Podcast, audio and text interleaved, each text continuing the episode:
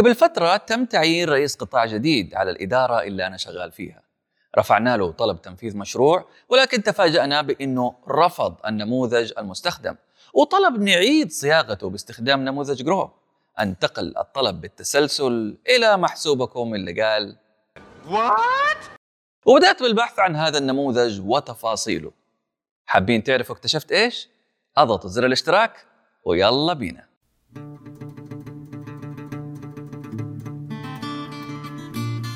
معكم حسين الحباب. ألتقيكم في بودكاست لاسن اللي نتكلم فيه عن مهارات التواصل والإلقاء. فأهلا وسهلا بكم. نموذج GROW قدم لأول مرة في عام 92 في كتاب Coaching for Performance للكاتب جون وايتمور اللي استند في كتابه على كتاب The Inner Game للكاتب ومدرب التنس تيموثي جالوي. هذا النموذج المكون من أربع خطوات زي حروفه الأربعة. G من جول يعني الهدف المطلوب. R من reality يعني الواقع الآن. O من options أو الخيارات المتاحة أو الفرص. وأخيرا W من will أو way forward بمعنى خطوتك التالية. هذا النموذج يستخدم في الأساس لمجال الأعمال ويستخدم كمان بشكل مكثف في الإرشاد أو ما يعرف بال coaching سواء للموظفين أو حتى للأفراد. وهو نموذج مرتب يقدر أي شخص بيحاول يساعد أي أحد إنه يطبقه معاه بسرعة عشان يساعده في اتخاذ قرار. كيف أنا بالله وأنا أظبطكم تصيروا coaches وكذا؟ إي علي الحرام اني كفو بعالم شبرح كذا على بلاط إي والله. إي والله اني كفو طيب بس أحتاج. وش تحتاج؟ أشياء ما أقدر أقولها لك. بس قبل ما تدرعم وتروح تطبقه خلونا ناخذها حرف حرف ونفهم بالضبط إيش المقصود وكيف نطبقه. الحرف الأول G من جول أو الهدف. وهنا عندنا أربعة أنواع من الأهداف نحتاج أننا نحققها. الهدف الأول ويعرف بأهداف العملية وهي تعتبر أولى الخطوات وتعتمد على الأهداف قصيرة المدى وطريقة سمارت في صياغتها بمعنى أنها تكون أهداف محددة وقابلة للقياس ويمكن تحقيقها وواقعية ولها زمن محدد الهدف التالي هو هدف الأداء وميزتها إنها أهداف قابلة للقياس وبالتالي سهل إنك تلتزم بها. ونقدر نصيغها بالإجابة على أداة السؤال ما أو ما الذي. يجي بعدها الهدف النهائي وهي الغاية النهائية اللي تبغى تحققها بالضبط. الهدف الملهم بعيد المدى ونقدر نكتشفه بأداة السؤال ماذا؟ المرحلة الأخيرة هي الهدف الحلم وهو الهدف البعيد الهدف الأسمى المرتبط برسالة المستفيد أو معنى الحياة بالنسبة له. ونقدر نكتشفه بأداة السؤال لماذا؟ قد يكون الهدف بالنسبة للطرف الآخر غير واضح تماما، فدورنا هنا إننا نساعده في الغوص في أعماق ذاته لصياغة هدفه، ولكن من دون اقتراحات أو فرض آراء. ويحتاج نكون واضحين لأنفسنا وللطرف الآخر إنه عملية تحديد الأهداف هذه تاخذ وقت طويل. فلا تستعجل عشان تقدر توصل للعمق المطلوب. الحرف الثاني من كلمة GROW هو ال R من كلمة reality بمعنى إيش هو واقعك الآن؟ الآن الآن وليس غدا.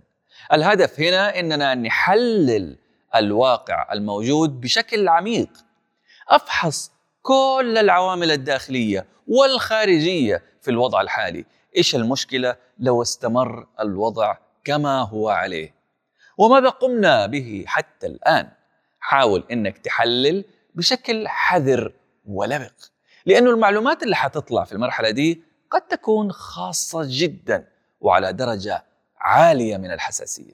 أما بالنسبة للمستفيد فكن على ثقة بأن الكوتش أو مديرك أو الشخص اللي بيستخدم هذا النموذج في التواصل ما هو هنا عشان يصدر عليك الأحكام.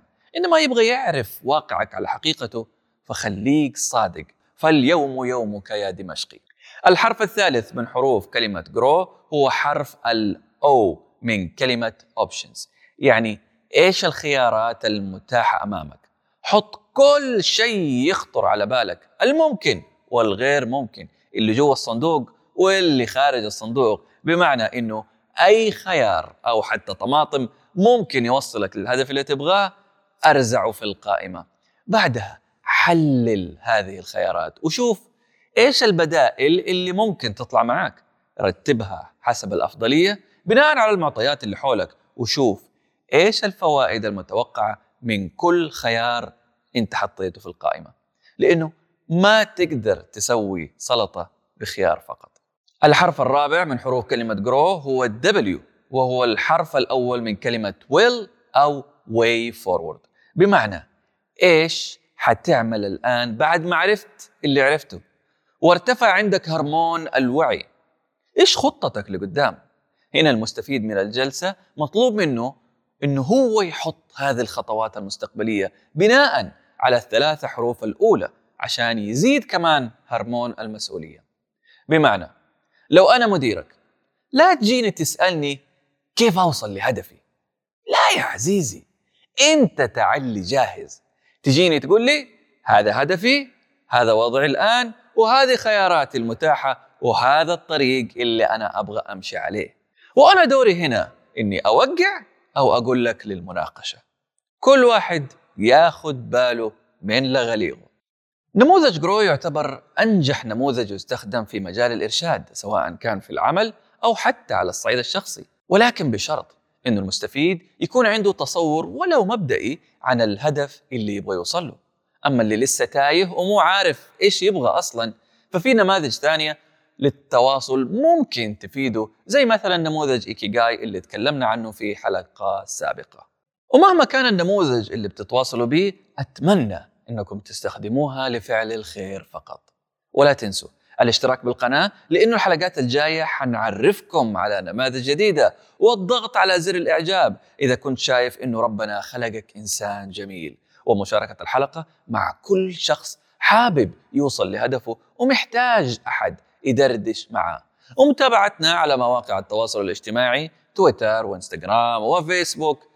إذا كنتوا حابين أنه هذا النوع من المحتوى الهادف يزيد وينتشر اكتبوا لنا رأيكم في الحلقة أو حتى مقترحاتكم في خانة التعليقات أو على الهاشتاج أصدقاء بودكاست لسن.